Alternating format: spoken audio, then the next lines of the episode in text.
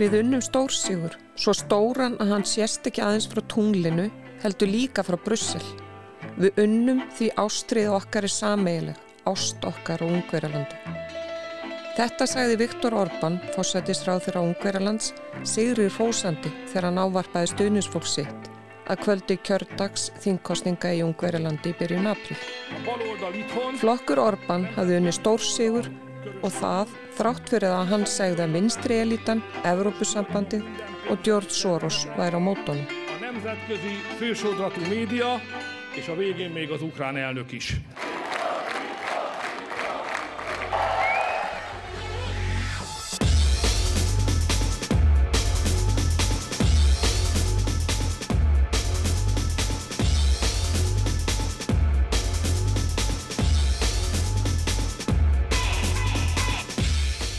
Sæl hlustandi góður. Ég heiti Guðrún Haldunadóttir. Populismi eða líðskrum hefur verið til umfjöllunar í þessari þáttaröð um valdamikla karla í fimm löndum. Þetta er fjörði þátturinn af fimm og í dag höldum við til mið-Evrópu. Nánar til teki til Ungveralands þar sem Viktor Orbán hefur verið fórsættisráþöra frá 2010 en hann gengdi ennbættinu líka á áránu 1998 til 2002. Ungveraland fór illa út úr setni heimstyröldinni og í stríðslokk endaði það undir stjórn Sovjetríkina. Í kjölfari var þetta fyrrum konungsríki að kommunísku einræðisríki. Hausti 1956 tóku ungverski stúdendar höndum saman, mótmæltu í höfuborginni og kröðust þess að landi losnaði undan ægivaldi kommunismans og Moskvuvaldsins. Eins og svo ofta áður breytust friðsamleg mótmæli í blóðbað. Uppreisnin var brotin á bak aftur með einrás rauða hersins í landi þrejumuru vikum síðar. Tug þúsindir voru fangelsaðar, fleiri hundru tekin að lífi og þúsindir flúðu land. Þeirra á meðal voru 52 einstaklingar sem komu hinga til lands og urðu þannig fyrsta flóttafólkið sem Ísland tóka móti með formlegum hætti. En gleymum okkur ekki við að rifja upp söguna og víkjum aftur á populismannum í samtíman. Kristrún Heimistóttir lagfræðingur fjallaði um populisma í Pistli í Víðsjá á rás 1 snemma árs 2021. Góður hlustendur, áhrifamesta stjórnmálastefna okkar tíma er svo kallaður populismi. Það er ótrúlegt að segja það, en það er þannig að populismi er áhrifamesta stjórnmálastefna okkar tíma. Populismi hefur farið um allt, sangköllið vofa á æsi flugi um heiminn. Á íslensku heitir þetta líðskrum og eins og alltaf gildir um okkar gegnsæja tungumál hjálpar það til að skilja fyrirbærið. Því orðið líðskrum er einmitt lýsandi fyrir innan tómt stjórnmálatæki. Og það er populismi, innan tómt, tæki, allra gagn, sem er í sífældri leitað ágrinningsmálum til að hagnýta sér til framdráttar og fræðar auka.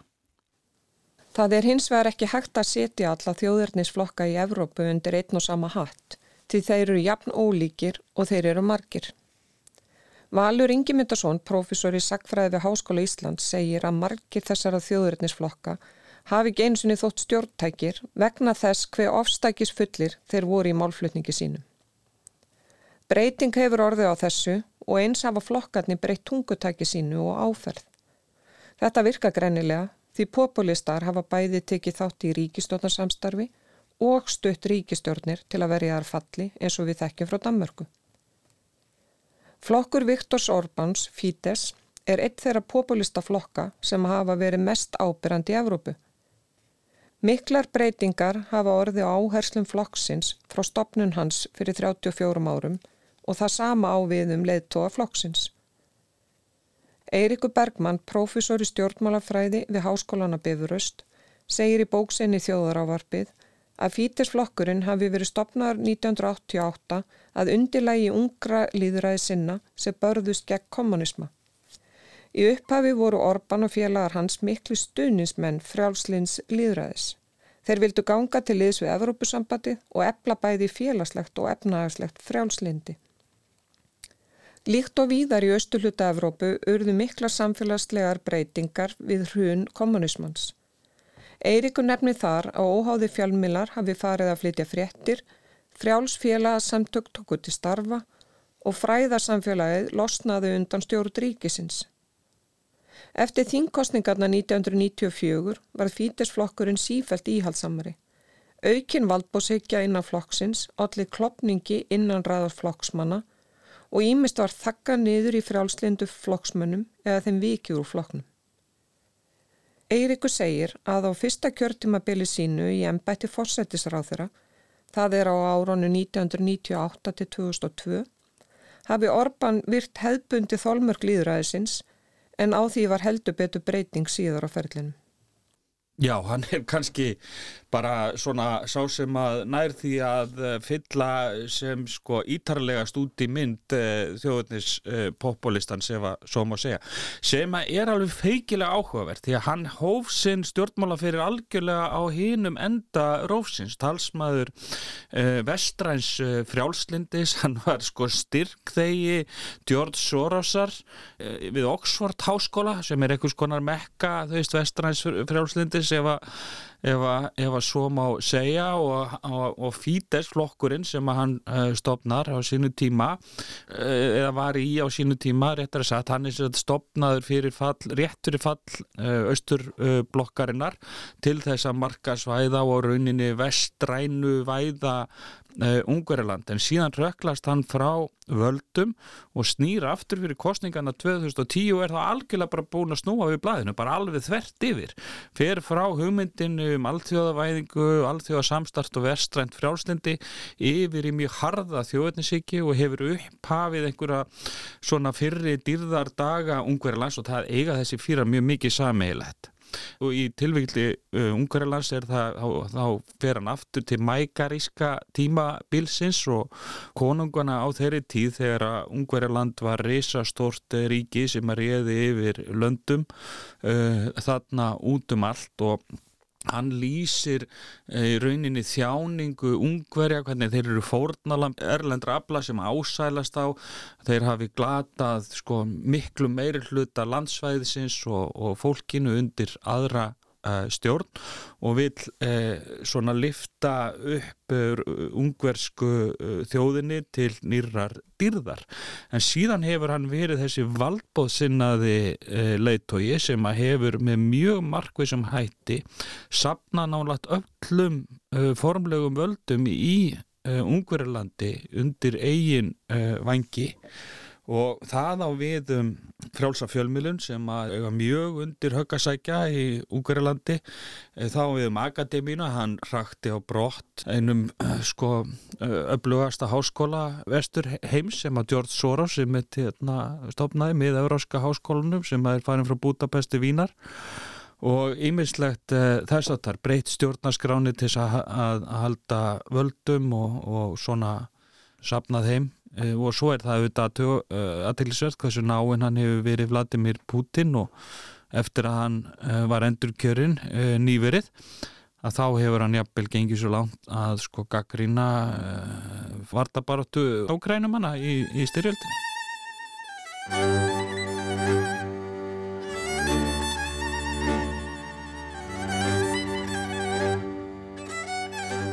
Viktor Orbán fættist 31. mæ 1963 og er því tæplega 60 ára aldri. Hann kemur úr óskup venjulegri millistetta fjölskyldu á landsbyðinni. Að lokinni tveggjára herþjónustu fór hann til Budapest og laug þar námi í lokfræði.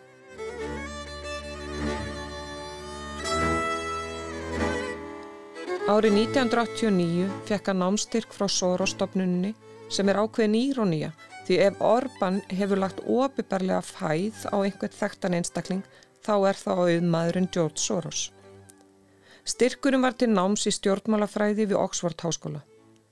Orban stoppaði stutt í Oxford því í janúar 1990 held hann heimáleið, stefnan var tekin á sæti á fyrsta þinginu eftir fall kommunismans. Þess má geta að á unglingsárunum stutti Orban kommunistaflokkin af heilum hug en það breyttist þegar hann gengdi herþjónustu. Eða eins og hann sagði síðar, ég var einfaldur og trúfastur, stuðnismæður einræðis kommunista. Þrátt fyrir að Sverige síðar af sér öll tengsl við kommunista, þykja stjórnarhættir hans samt oft minna á Janós Kátár sem styrði Ungverilandi eftir byltinguna 1956 til ársins 1988 í nánum tengslu við valdhafi í Moskvu. Á þeim árum ríkti þokkalugur stöðuleiki og velsælt í Ungverjalandi. A mi távlati célunk az, hogy az osztály nélküli társadalom idején. Hér heyrðum við rött hins aldna kátár sem lést rúmu ári eftir hann vekur ennbætti. Orban og stöðnismenn hans hugsa með hryllingi til valdatíma kommunista en sjá samt stundum eftir þeim stöðuleika sem þá ríkti. Til að skapa slíkan stöðuleika og velsælt eru þeir jafnvel reyðubúnir að fórna einhverja frelsi landsmanna. Eða eins og fyrirvændi Sæðlabankastjóri Ungverðarlands orðaði það. Þegar Kátor var við völd þá voru engir útlendingar hér. Það var öryggi. Lífskjörin voru kannski ekki stórkostleg en lífið var þólanlegt nema þú vildir endilega segja sannleikan. En hverjum er ekki samað um hann? Pólitísku ferill Orbáns hófst á miklum umróta tími í Ungverilandi þegar kommunistafloknum var velt úr sessi árið 1989. Orbán flutti það sama ár ávarp við heiðusútför þeirra sem voru í farabrotti uppreysnarinnar 1956. Manna sem voru handteknir, teknir af lífi og varpað í ómerta grafir af sovjaskum hermunum.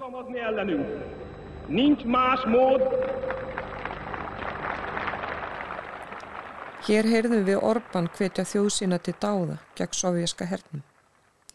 Ungverjar hafðu fengið nóg af sovjerskri herset á þessum tíma og fagnuði því ákaft 19. júni 1991 þegar 47 ára hernámi Ungverjarlands laug. Hernámi sem hófst með innrást þýska hersins 1944.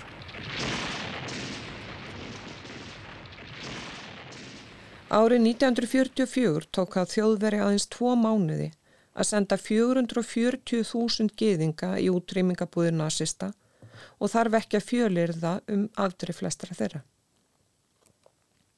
Í oktober þetta sama ár kom strauði herrin inn fyrir landamæri Ungveralands og næstu mánuði geisuðu þar harði bardagar sem lauk með sigri sovjetmanna í byrjun á april 1945. Landi var í rúst. 600.000 ungverjar lágu í valnum auk giðingana sem hafðu hafnað í útrymingabúðum. Í dag eru ungverja 10 miljónir talsins þannig að þið getur rétt ímyndað ekkur blóðtökuna fyrir þessa fáminu þjóð. Orban var kjörin á Þing 1990 fyrir Fítisflokkin og var í stjórnarandstöðu allt til ásins 1998 þegar Fítis fekk 29% atkvæði í þingkostningum. Næstu fjögur árin var Orban fósettisráð fyrir Ungverjalands. Á þeim tíma gekk Ungverðarland meðal annars í NATO og þótti það sögulegur áfangi en það var það í fyrsta skipti sem ríki austan hins nýfallna hjártjáls vekk aðild að varna bandalagi vestræðna ríkja. Í valdatíð Orbáns hóf Ungverðarland aðild að viðræður við Evrópusambandið og var hluti þess árið 2004. Í þingkostningunum 2002 misti ríkistjórnin meiri hlutan og sagaði Orban frjálslinda fjölmila um að bera ábyrða fylgisruninu. Orban var leittói í stjórnaranstöðunar næstu árin eða allt til 2010 þegar fítisflokkuru fekk meiri hluta atkvæða. Slíkt hefði ekki gerst síðan á tímum kommunista að flokkur fengi meir en helming allra greitra atkvæða en efnaðasástandi í Ungverðarlandi var erfitt í kjölfar fjármála kreppunar 2008 og kjósendur vildu breytingar. Kristrún Heimistóttir segir eitt enkenni populista að velja sér óvinn.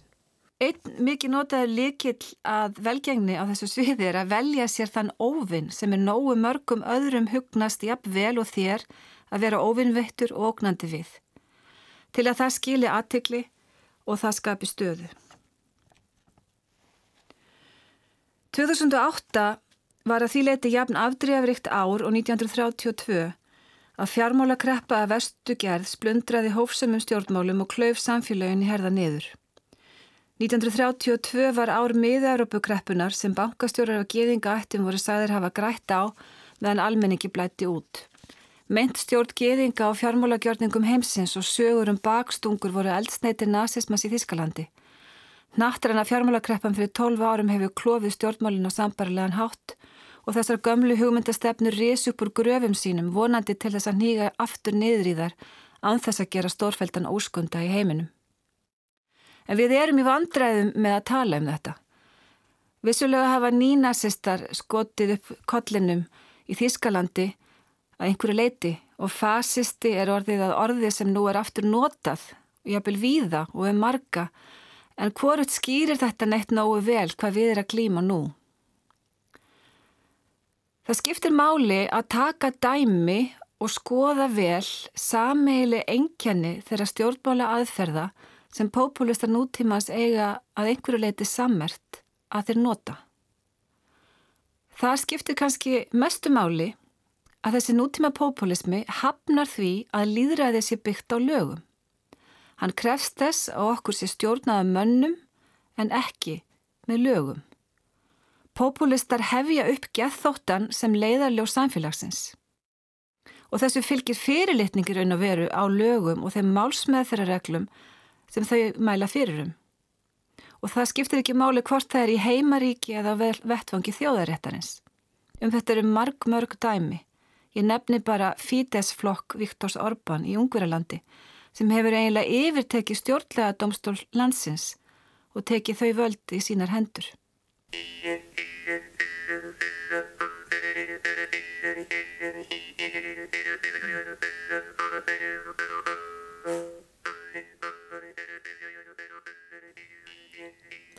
Eirikur Bergmann segir að þegar Fítes komst aftur til valda hafi flokkurinn verið orðin algjörlega þjóðernis populískur. Hort var aftur sérilagi til konungsins Stefáns Helga sem var uppi í kringum árið þúsund. Í söguskýringum Orbans og flokksbræðra hans er lögð áhersla á að ungverjar hafi alltaf verið fórnarlömp erlendra innrásar herja. Eins hafi landi farið illa út úr Tríanón samningnum árið 1920 þegar ungverjarland glataði stórun hluta landsvæði síns og um leið 60% íbúana. Árin fyrir kostningarna 2010 ríkti pólitísku glundróði í Ungverjalandi þar sem allt logaði stafna á milli meðal flokka á vinstri vagnum. Í örstutum máli má rekja það til ræðu sem þáverandi fórsættisráðurarlandsins flutti á þingi Ungverska Sósialistaflokksins 27. mæ 2006. Ræða sem átti ekki að fara víðar en líkt og gerist þá lakun út og það byrti fjölmjölum um haustið. Í ræðunni rutti fossætisráþurann út úr sér fúgerðum yfir flokksmenn.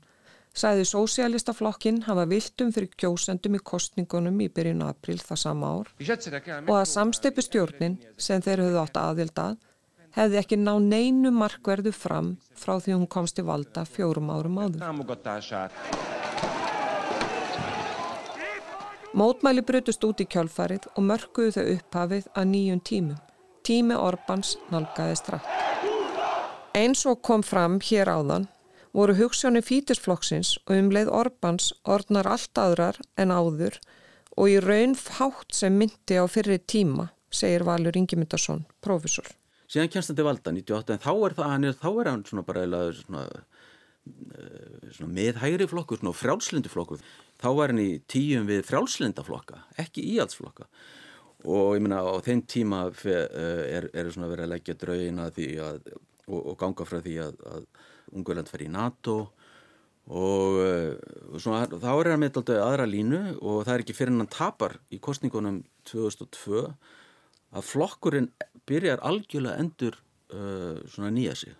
Og með, með öðrum hættin hann að geta fram að þessu með að leggja áherslu á þjóðninsíkju og einhver svona ungverjalands sem er byggðað einhver svona mítu um ungverjaland, sögulega mítu líka og líka litið tilbaka um þau landsvæði sem ungverjar hefur tapað þetta fyrir heimstyröld, svona, svona þessi tríanón samningur, það er ennþá verið að vitna mjög á þar, þannig að það búa svo margir um, stóri minnulutuhópar í nágrannlöndunum og byrja að leggja rekt við þá sögu og líka svona hefðarhyggju, félagslega hef, hefðarhyggju og, og mikið græsrótarstarf. Þetta byggistur er að vera á bandalagi milli, þannig er svona miðstýtt af fólks, svona mentuðu sem var oft trúað og svona þetta er líka trúalegt, byrjstuðþórat og líka milli þeirra og síðan þeirra sem minna megaðu sín og aðdönlýsingja og svo leiðis. Hann tekur upp línu gegn uh, nýfrálsíkju og byrjar að leggja meiri áherslu á einhvers konar á, á svona félagslega þætti og en tekur upp líka, við stöðum að tala um populisma, mjög svona harða línu gegn þeim flokkur sem þá eru svona einhverju sósialistar og einhverju miðmenn voru þá í stjórn, svona gegn þeim. Og með þeir er ekki fulltrúa fyrir hins sanna sanna ungverðlands. Svo hann svona í, þegar hann er í stjórnarandstöðu á þessu tíðanbili 2002-2010 þá er hann verið að undirbúa það að komast til valda. Með, með því að virkja mjög græsrótina og það, hún er enþá mjög virk í floknum, í fítisfloknum og svo þegar hann kemst til valda síðan 2010 og þá með því að ná veist, flokkurinn eh, nær þeimþrið meirlut og getur síðan breytt stjórnarskráni sem hann gerði, þá er hann að, er hann að taka upp þessa þræði sem hann hafi spunnið þegar hann var í stjórnar anstöðu og að framkoma þá. Og eins og hann hefur gert á síðustu 12 árum. Og oft er þetta mitt, oft þegar það er talað um populista þá er satt hvernig þið stjórna þá stjórnaður oft hann að þetta er mjög mikið svona mjög mikið áherslu á leitóhan, hann hafi, hann hafi svona karisma, hafi eitthvað svona náðavald og svo að persóna hans skipti mjög miklu máli, eh, Orban sjálfs á, á því byggjast vinsaldir flokksins líka, hvað hann hefur náða að tengja hann hefur verið meira og minna leitói flokksins frá 93 sko, fyrir utan eitthvað þrjú ára og síðan stjórnar hann þannig að hann kemur uh, lögum í gegn uh, bara gegn í þingið og oft í, í kraft og hefur breytt stjórnarskráni gert það og hann hefur verið með tvo þriði meirhluta alveg frá því 2010 síðan hefur hann emtið þjóðratkvaða greiðsla og það er oft tengt við svona populista að þeir eru að fá staðfestingu á stefnu sinni og fá þannig umboð flokksins eftir hann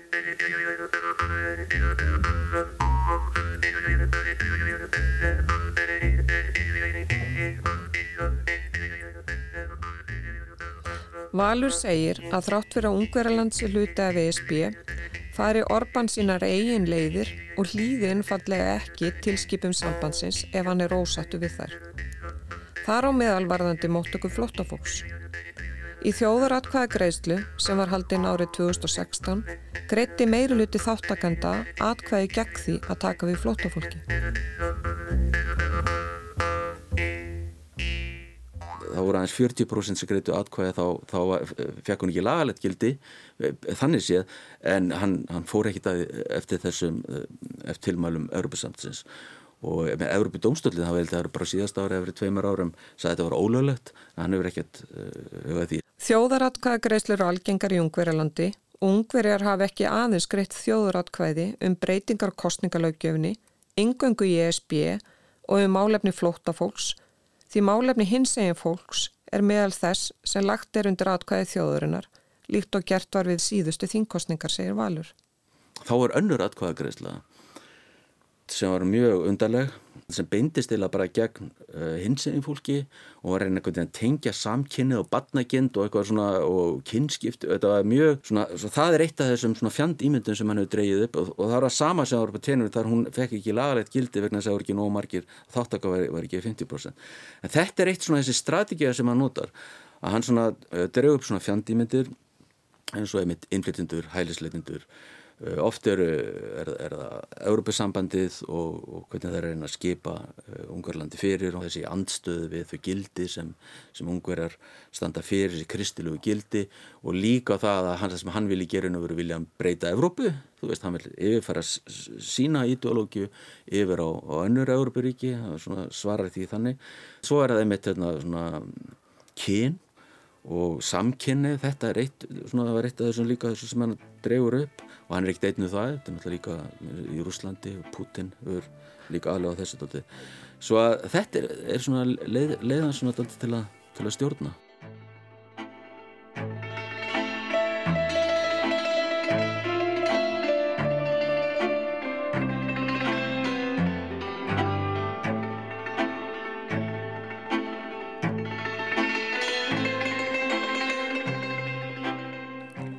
Það fór aftur á móti ekki fram neginn þjóðratkvæða greiðsla um neyðarlög sem stjórnvöld kerði í gegnum þingi í byrjun ást 2020 vegna COVID. Lög sem voru afnumi nýverið en ný neyðarlög tóku gildi, nú vegna strísins í Úkrænu. Lög sem gera Orban kleift að stjórna landinu með tilskipunum. Gaggríni Orbans á ESB fór á flug fyrir alvöru þegar að sílnest flóttafólk fór að streyma til Evrópu árið 2015.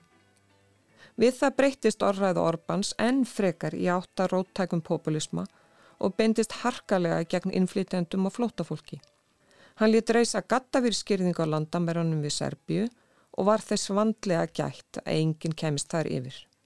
Í kostningánu 2014 fekk Fítisflokkur um 45% atkvæða og það skipta engum máli að flokkurinn hafi ekki fengið meira luta atkvæða þar sem ný kostningalög gerði fítesta kleift að tryggja sér tvo þriðju luta þingsæta. Nýja ríkið sem við erum að reysa er ófrjálslind ríki, sagði Orban reynd út í ræðu, skömm eftir hann var endurkjörinn 2014. Hann sagði stiðja stjórnkjörfi sem væri ekki vestræn og ekki frjálslind. Þau þyrti ekki einu sinna að vera líðræðisríki. Hann bent á lönd sem væri farsal, lönd eins og Rúsland, Tyrkland og Kína. Við erum að leita að leiðum til að segja skilið við vestrænar krettur og reynum okkar besta til að finna þær leiðir, bætti Orban við. Samt sem áður virðist sem Orban hafi verið uggandi yfir niðurstöðum skoðanakannana á fyrirluta árs 2015 en er bentu til þess að flokkurinn nýti lítilstöðning eða aðeins 22% kjósenda. En Orban þekki sitt heimafólk og vinsaldi flokksins ruku upp að nýju þegar hann kynnti harða reglur gagvart flóttafólki sem reyndi að komast á ungveska grund. Það er ekki einungis flóttafólk sem Orban lítur á sem örgis og heldur einnig hins einn fólk og hann hefur ekki farið lengt með skoðanir sínar og ímsum öðrum minnulutahópum. Í ungverðarland er hins einn fólki bannað að ætlaða börn og stjórnvöld skilgreina fjölskyldu þannig að höfu hennar séu karl og kona. Á því eigi ekki að vera neyn undatekning. Lög sem banna breyting á skráningu kynns voru samþygt með miklu meira hluta atkvæða á ungveska þinginu 2020. Í fyrra voru samþygt lög sem banna samkynneigðum að koma fram í barnaefni eða minnst sé á hinsegin fólki kennsluefni fyrir börn yngre en 18 ára. Talsmaður ungvesku ríkistjórnarinnar segir tilgangi með lagabreitingunni að vernda börn í landinu. Lögunum svipar til breytinga sem gerða voru lögum í Rúslandi 2013. Þar var lagt bann við því sem rúsnesk stjórnvöld kalla áröður samkynheðra í landinu. Það er ekki aðeins að Orban sé upp sig að VSB því það er gagkvæmt og hann hefur harlega gaggríndur að leiðtugum sambandsins. Það er á meðal úrsölu fondilægin, engum og sérilægi fyrir mannrettindabrótt. Orban hefur látið sér þetta í létturúmi liggja enda áhigi hans meiri á varnar og örgismálum en mannréttindum og hann hefur hreinlega hunsa bóð og bönn í ESB ef honum síni svo. Francis Fukuyama, doktor í stjórnmálafræði við Stanford Tálskólan, fjallaði meðal annars um völd Orbans í grein sem byrtist í áramótablaði Morgublasins árið 2016. Árið 2014 hlut flokkur hans, Fídes, flest atkvæði og mikinn meiri hluta á þingi. Hann byrjaði að breyta stjórnarskráni með það að markmiði að auka völd Orbáns og ráþrann hofi kjölfarið að ráðast á gaggrína fjölmila og frjáls félagasamtök sem hann hafði ekki stjórn á.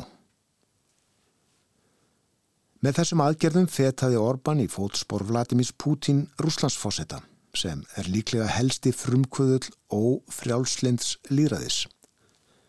Pútin hefur orðið afar vinsætli í Rúslandi, engum eftir að hann innlimaði krímskaga árið 2014.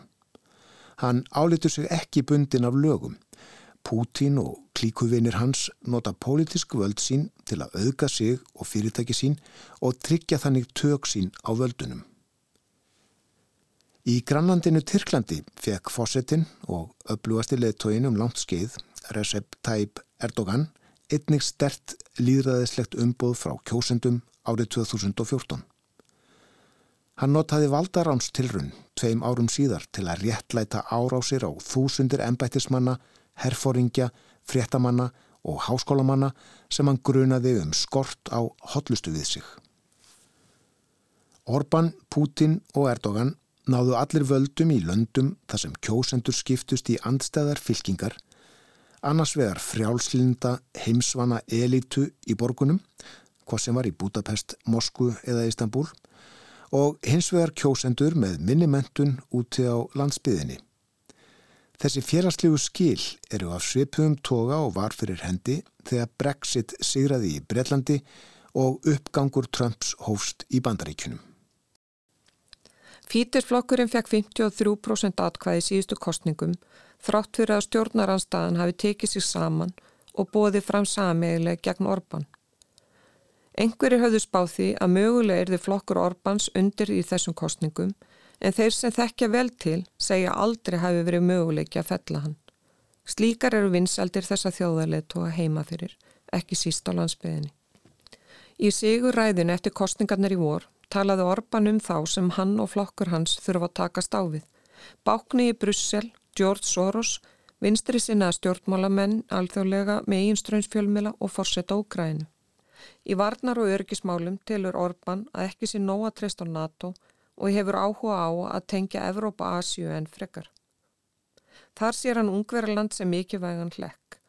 Þetta segir Valur að sé hluta þjóðverðnes hugsunum Orbáns. Hann telur einmitt á vestræn ríki og Europastandi fyrir einhvern svona globalisma sem hann sé algjörlega andur og sé þau gildir, sé andstuði við, við svona traditionalisma, við uh, félagslega svona, svona þessi íhjálpsum í gildi sem hann stendur fyrir þessi miklu frekar að leita til Rúslands og og Kína til þess og hann hefur sagt það bara beinlinis að hann líti oft á þessi ríki og Singapur Tyrkland líka þá hann sem er mér svona líka með andmuslima retorík þar en svona sem einhver, einhverja fyrirmyndir að þessu leiti svona stabil ríki, svona er valdbóðstjórn hálgerða, valdbóðstjórn, eða ekki að hálgerða núna en allavega eins og hans, hans stjórn er eitthvað svona blanda líðræðiskerfi og valdbóðstjórn eitthvað þannig Svo hann hefur gert það og, og líka staðsett sig, ég minna hann hefur leitt í, í Európu sem hefur staðið Putinæst, auðvitað skiptir þetta líka máli að, að ungar eru að háðir rúsum um orku svo leiðis og, og hann vil tryggja það náttúrulega líka. En, en þetta er eitt sem enginnir þetta aldrei, ég minna hann átti gott sambandi þegar Trump var auðvöld Republikanflokkurinn í bandaríkjunum uh, leitt mjög mikið á með velþóknun, nú er það breyst, Biden hefur uh, fjallaðist hann og svona telur hann bara með þessum valdbóðsöflum sem hann vil berjast gegn á, á heimsvísu. Og hann er dálítið núna í erfiðri stöðu bara strax eftir kostningarnar að þá lísti Úrsula van der Leyen uh, á Europasambandinu því yfir að, að það kemur til greina stöðu allar greiðslur vegna innviða framkvæmt og svona frá Europasambandinu vegna þess hvernig Eh, Orban hefur beitt valdið sinni og svona verður þetta graf undan dómskerfinu og hann ræður yfir fjölmiðlunum volið mikið. Svo í þessu stríði, Úkrænustriðinu, það er alltaf áhugavert að hann, alltaf, hann fór til Rúslands þegar þetta var alltaf brest á. Og uh, hann lísti yfir anstuðu við, við innráðsina en hann hefur passað sig á því að, að það fer engin, engin vopn og veströðunli ríkjum í gegnum Ungarland, hann er mjög harður á því. Og í kostningaparatunum tókstónum það er aldrei svona áhugavert hvernig hann tókst það. En hann svona tókst það ég talaði um sjálfansi sem svona eitthvað svona friðarsinna. Hann væri svona mill, svona stilti sér þannig upp. Hann væri friðarsinna og vildi koma á friði og hann vildi uh, já og það virðist hafa að gengi upp á nokkur leiti þess að sko það má aldrei gleymast í Ungarlandi þó hann sé búin að breyta stjórnarskráni breyta lögum, grafundan fjölmjölum grafundan hérna, réttakjörfunu þá hefur hann mikið fylgi og, og ég held að það byggist volið mikið á þessu, þessu tíanbrið sem ég rætti áðan hana, áður en þau komist í valda þessi, þessi flokkur skipti og hann er mjög mikið virkjaður. Þeir eru að virkja flokkin, hérna, fítisflokkin mjög mikið. Svo það má ekki gleyma því að hann hefur fylgi og bara líka eins og skoðanakannanir sína þú veist alltaf, burt sér frá því að þó að kostningakerfi sé náttúrulega frálegt að því leiti að, að það sé hægt að fá tvoþriðu þingsæta á þess að fá meira hluti atkvæðið og eitthvað svona og hann reynda fekk yfir 50% núna.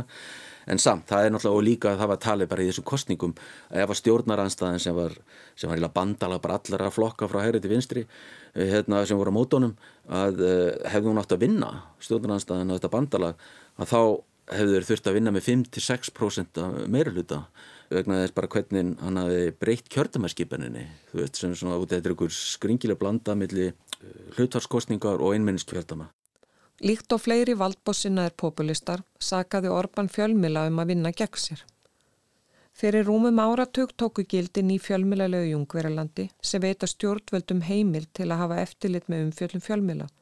Refsa þeim sem ekki teljast verð með pólitist jafnvægi umfjöllum sinni og krefja þá um að ljóstra upp um heimildamenn sína í málum sem stjórnvöld telja að varði þjóðuröryggi. Það eru svo sem ekki aðeins fjölmilalögin sem hafa verið uppfærið þá stjórnvalda til lögum um sæðlabankalansins, vendun persónuupplýsinga og domstóla hefur líka verið breyttið þátt.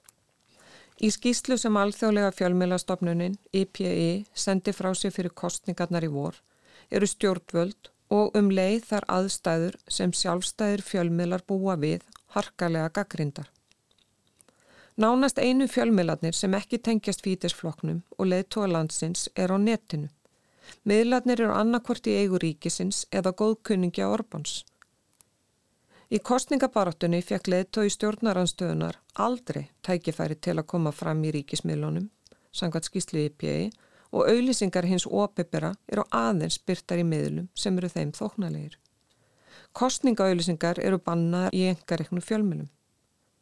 Skrifstofa þeirra fer jafnvel yfir fréttaflutning hjá fréttastofu sjómasins til að tryggja að ekki slæðist með frétt sem gæti verið í anstöð við það sem Orban hugnast. Í skýslinni segir beint út að hvergi innan Evrópusambandsins sé að finna jafn mikil pólitísk yfiráð yfir fjölmjölum og í Ungverjalandi. Bandaríski fjölmjölamadurinn Tucker Carlson sem er þáttastjórnand á Fox News hefur fylst vel með Orban undanferðin ár og gerði í fyrra heimildamindina Hungary vs. Soros The Fight for Civilization eða Ungverjaland gegn Soros baráttan fyrir siðmenningunni. Í upphafi myndarinnar leikið tilfinningaþrungin klassísk tónlist, hvít hlæjandi börnarleik og falleg skot af klassískum evrópskum arkitektúr. 15 sekundu síðar skellur myrkrið á. Tónlisti hljóðnar, hóruð ungmenni sem eru dökk á hörund byrtast á skjánum og kás teku við af yfirvegunni með tilegrandi blóðsútellingum. Skuggamind af manni byrtast á skjánum Manni sem Karlsson telur líkt á orban að sé helsti óvinni Ungverðlands, George Soros. Í myndin er hann gerður ábyrgu fyrir öllu því monda sem við gerst undanferðin ár og sagaður um árás á vestræna síðmenningu. Hann er óvinnurinn en orban er bjargvætturinn.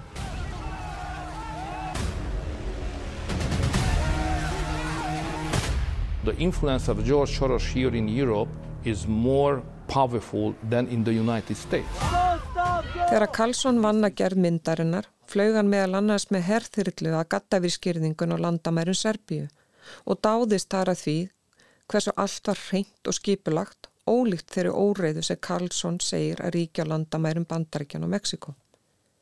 Í þættinu segir Karlsson áhöröndum að það þurfi ekki landsframleiðslu á við Bandaríkin, ekki hátteknimúra, bissur eða eftirlitskerfi til að halda óvinnunum, það er innflytendum fjari. Allt sem þurfi sé pólitísku vilji til að gera það. Allt sé á leiðinni til helvitis í Evrópu eftir að flóta fólk fór að streyma þongað og Viktor Orban sé hetjan sem hafi varið landsitt og þjóð fyrir þessum óþjóðalíð. Karlsson rósa líka ungversku stjórnvöldun fyrir leiðina sem farin er til að fjölga þjóðinni því ungverðin fer fækandi og ljóst að það þarf fleira fólk til að halda hagvægstinum gangandi. Að hvetja hjón, þið munið Karl og konu, alls ekki fólk að sama kynni, til að fjölga sér og bjóða mæðurum síðan skattaívillanir. Hann rósar Orban fyrir að hafa komið í vekk fyrir að innflytjendur myndi breyta þessari litlu þjóti frambúðar. Til þess að tryggja áhörfundur í bandaríkjanum átti sig á hvað hann sé að talum, þá ber Tökkur Karlsson saman stefnuleið tónatveggja Joe Bidens og Viktors Orbans. En hver er þessi erki óvinnur Orbans, George Soros? Soros er giðingur og fættist í Ungverðurlandi 1930. Hann og fjölskylda hans lifðu af helgföruna með því að framvísa fölsuðum pappirum og veri félum og meðan á herrnámi nazista stóð.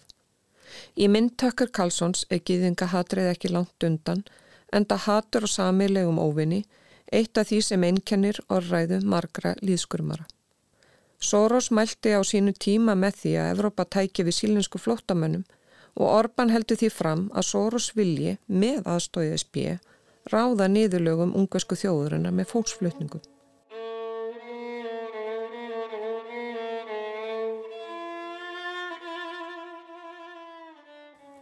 Í bókinni Þjóðarávarpinu segir Eirikur Bergmann að ríkistofn Ungverðarlands hafi dreift vegspjöldum með myndum af Soros ásandi yfirskriftum eins og Soros vil koma miljónum manns frá Afrík og miðausturlöndum hingað, stöðið Soros. Í ávarpi sem Orban flutti 2018 sagði hann að ungverjar vildu ekki fjölbreytni eða blöndun. Við viljum ekki að húlit okkar, hefðum og þjóðmenningu sé blanda við annað, sagði fórsættisráður ungverjarlands. En vikjum aftur á hugtækjunum populismi en ég fekk val Ingemyndarsson til að útskýra hugtæki út frá kenningum sagfræðinar. Ja, þetta, þetta hugtæk er mjög viðtakt og ég raun og veru og þótt margi populistar í dag vilja vil ekki láta að kenna sig við populistar sem eru kallaðir það þá eru dæmi þess söguleg dæmi þegar mér sé svo populistaflokkurinn í bandaríkjónum sem verið vinstri flokkur á, á 19. öldinni sem bylnins hétt það þú veist og e, svo að það sem gerir líka þetta hugtak flókið er einmitt það, það bæði hægt að skilgarina það út frá, út frá vinstri áherslum og hægri áherslum og auðvitað síðustu á, áratvíina hafa allavega í Evrópu, náttúrulega ekki í, í Suður-Ameríku en allavega í, í Evrópu hafa þetta verið svona hægri populistaflokkar sem hafa haf lagt miklu áherslu og svona þjóðninsíkju sem hafa verið mest ábyrjandu og haft mest áhrif. En þetta hugtak er mitt vegna þess hvað er tegjanlegt að þá hafa fræðimenn átt í dálum erfilegu með það og, og það er svona eiginlega viðtekið meðal stjórnmálafræðinga og, og fræðimanna sem sér auðvitað í stjórnmála hugsun og, og stjórnmála stefnum að líta á þetta sem mjög, hvað ég segja, svona útþynd hugmyndafræði. Gera lítið úr hugmyndafræðin sem slíkri, líta á þetta frekar sem svona aðferð, sem pólitíska strategíu og þetta gangi bara í grunninn út á, á að setja upp svona eh, ákveðna andstæðu millir fólksins annars vegar og uh, valdahópa og elita hins vegar og það sé leiðtógin oft sem skiptir það miklu máli sem tólkar vilja fólksins eftir sínu höfðir en öðru. Svo að fyrir bræðið þá verður í þessu mótili verður skiptir hugmyndafræðin minnamál og, og sérstaklega til þess að vinstri menn vilja alls ekki tengja þetta með beinumætti við þjóðnisíkju. Þess að vinstri populismið sem fylgja henni verið lítið svo að þessi jákvæmt fyrirbæri þeir lítið svo á að það, það leiði út í ykkur rasisma gegn fjölmenningar samfélagi öllu slíkur sko. Svo að að þeim er mjög andum það að, að þessi hugtök sé ekki tengt með beinum hætti en við, svo viðurkenna flestir að það, að það verður að tengja samt þetta hugtak við eitthvað annað. Það er eins og sósjálisma eða frálsíkju eða eitthvað, eða íhjaldstefnu eða eitthvað svolítið oft sko. Með einhver svona slík tenging verða eiga sér stað til að, til að, að ná í gegn. Svo að til dæmis vinstri populistar myndi segja þeirra á móti félagslegu misrétti, arðráni og öðru slíku og þess að berjast gegn elitum, fjármála elitum, pólitískum elitum sem, sem þjóna fjármálavalda og öðru slíku meðan aftur á móti þessir populistar eins og þeir hafa verið í, í, í Európu síðustu áratíðinu á, á hærivagnum þeir hafa lagt miklu áherslu á hefðbindi gildi, uh, emitt þjóðninsíkju oft gegn uh, frjálshyggju þó það var ekki upprunnilega þannig þegar þessi, þessi flokkar komu fyrst upp til þess að á 18. og 9. áratögnum þá voru þetta oft nýfrjálshyggju, fylgduði nýfrjálshyggju í efnaðasmálum. Síðan á síðustu áratögnum hefur þetta verið að breytast og þeir hafa verið að vera að verja velferðaríkið og ekki meira áherslu á, á félagslega réttindi og annaði þeimdur en svo er líka ef við lítum á þetta sögulega ég menna, spurt er, er til dæmis eru, eru fascista, voru fascista populistar, þetta er eitt sem er líka mjög umdilt uh, ég lít svo á að, að, að mörguleiti hafi fascista verið populistar uh, vegna þess að það er svona margt samílegt og ég sé ekki að leggja þetta á jöfnu. Þetta er ekki þannig, en bara þeir, þeir voru að berjast gegn ráðandi stjættum oft. Svo það var svona anti-elitismi í þeirra málflutningi þó að það er reynda síðan eftir að komast í valda breytist það mjög, þeir vinna með ráðandi stjættum og hvernig þau komast í valda það gera þeir oft með miðjaldsmönnum svo að, að þetta er svona mótsagnakjönd hvernig, hvernig það er. Og það má líka reynda að segja um, um, um populista, hægri populist í dag. Þeir vinna oft með, með, með íhaldsmönnum. Og, og sama hátt og, og fasista neituð að láta skilgreina sig sem hægri vinstru oft sko og gera saman populistana. Þeir segja nefn og vilja ekki oft láta andstæðingarna skilgreina sig og segja þessum korki vinstrinni hægri eitthvað svoleiðis. En í praxis að þeirra í, í pólitísku starfi þá vinna þeir oft með íhaldsöflum. En spurningin er alltaf þessi líka að hvað miklu leiti vilja íhaldsflokkar og miðhægri flokkar vinna með populistaflokkum? Þeir getur verið misróttækir. Og það getur leitið þess að uh, annarkvort gefa þeir um tækifæri til að stjórna oft í þessum íhaldsflokkum með því að annarkvort að fara í samstipustjórn með þeim eða að, stiða bara á þingi einstaklega málefni sem gerast í þessi Danmörkum í þjóðaflokkin En oft er þessi flokkar svona doldið, eitraðir, uh, til dæmis eins og, í, eins og bara síðast núna í Fraklandi. Svona hægri flokkar vilja ekki vinna með uh, Le Pen og, uh, og þeim flokki vegna þess að hann er bara talin og, og róttakur og mjög aukaflokkur. Og svo að, að þetta er ansi flóki umhverju og litróf sem, sem þetta spannar. Valur segir að mikill munu sé á milli þessara stjórnmálaflokka og oft eru ólík öll innan þessara flokka. Má þar nefna Marine Le Pen og Erik Semur sem bæði voru í framböðu til fórseta Fraklands í vor. Valur segir að þar hafi Le Pen notið góðsa klopningi millir ólíkara abla innan populistarhefinga. Það er mjög erfitt fyrir populistaflokka að eitthvað að fara, jafnvel það eru oft innan þessara flokka, eru öll sem væri alveg til í að, að taka um íminnslegt frá þessu mjög aukafull öll, en, en þeir sem eru ráðendísflokkum eru mjög treyir til að tengja sem með, með einum með öðrum hætti upp fasisma vegna þess að það er stimplun það er bara litið á þetta, það er bara mennast á nazisma og útrymmingarherrferðir eitthvað svo leiðis svo það hefur alltaf verið þeir eru alltaf viljað passa sig á því að verði ekki, verði ekki spyrt saman við fasistaflokka, þú veist. Þó að það eru samt dæmi um aukaflokka eins og gullnadögun í Gríklandi sem var og þú veist, sem ganga alveg svona langt en, en þeir en alltaf er ekki taldir stjórntækjar og nokkur nátt og þess vegna verður að gera tvent það verður að gera greinamun á populískum flokkum hverju þetta eru og stefnu þeirra og það má ekki setja allt undir sama hattusmiður og svo er það líka sem hefur verið að gerast núna síðustu árum að það er að koma fram svona brestir. Þegar þessi populistaflokku komið fram þá voru þau bara á svona náðu þeir að skapa sér ákveðna svona sérstöð í, í, í þessu pólitísku litrói með baráttu sinni gegn innflytjendum gegn uh, fjölmenningaríkju gegn Európa-sambandinu svona, svona málum en núna svo, svo hafa þessi flokkar hefur hef, hef gerst þegar það er klopnað eitt besta dæmið er núna nýlegt eh, þess með Le Pen og Semur mm. í, í Fraklandi það eru svona í mildari versjón og, og, og herskári til dæmis í kostningaborðinni í Fraklandi að það sem var áhugavert það er að fyrst leitið þetta þannig út að þetta myndi veikja mjög þess að populista vegna þess að þetta myndi draga, veist, það voru sundraðir og líka sem sagt að að þá eru þessi, þessar öfgar eru, þá dregnar uh, skýra fram. En það sem gerðist var það að, að Semúr hafa litið á hans sem öfgamæðin en hún, hún svo myndum við dreygina henni að hún væri, væri stjórntæk og með svona mildilegri. Svo þetta að lokum, þú veist, þó hún hafði ekki dunnið að þá eiginlega hjálpaði þetta henni. En hvað sem fólk segir um Viktor Orbán og flokk hans þá er fítisflokkurinn sá flokkur sem ungverska þjóðin valdi sér í nýjafstöðnum kostningum til að sita á valdastóli næstu fjögur árin. Orban er réttkjörin sigurvegari. Þrátt fyrir sætan sigur verða næstu misseri erfið fyrir stjórnvöldi Ungverilandi því verðbolgan tikkar þar eins og annar staðar. Á sama tíma eru peningahyslur Evrópu sambandsins að loka skakvart landinu og væntalega dýr ekki til stuðningur og austri frá Putin eða Donald Trump í vestri. And uh, Viktor Orbán has uh, done a tremendous job in so many different ways highly respected, respected all over Europe. Uh, probably like me, a little bit controversial, but that's okay. That's okay. You've done a good job and you've kept your country safe. Tvímenningarnir fögnuði hins vegar Sigri Orbáns vel og innilega í byrjun april og Pútin sæðist vonast í þess að þeir getu unni enn nánar saman í framtíðinni þrátt verið erfitt ástand á alþjóðavísu.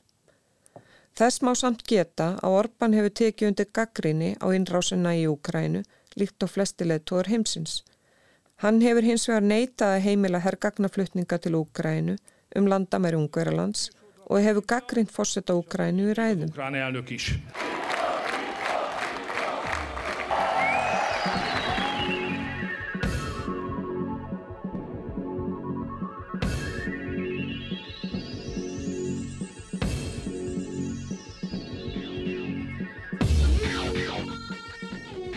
Í næsta og um leið síðasta þætti í þessari sériu verður fjallað um Vladimir Putin, rúslandsforsetta, sem er eins og áður sagði góðu vinnur Orbáns. Svo vinnátt að kemur jafnvel í veg fyrir að ESB geti banna innflutninga rúsnesku gasi til ríkja sambandsins.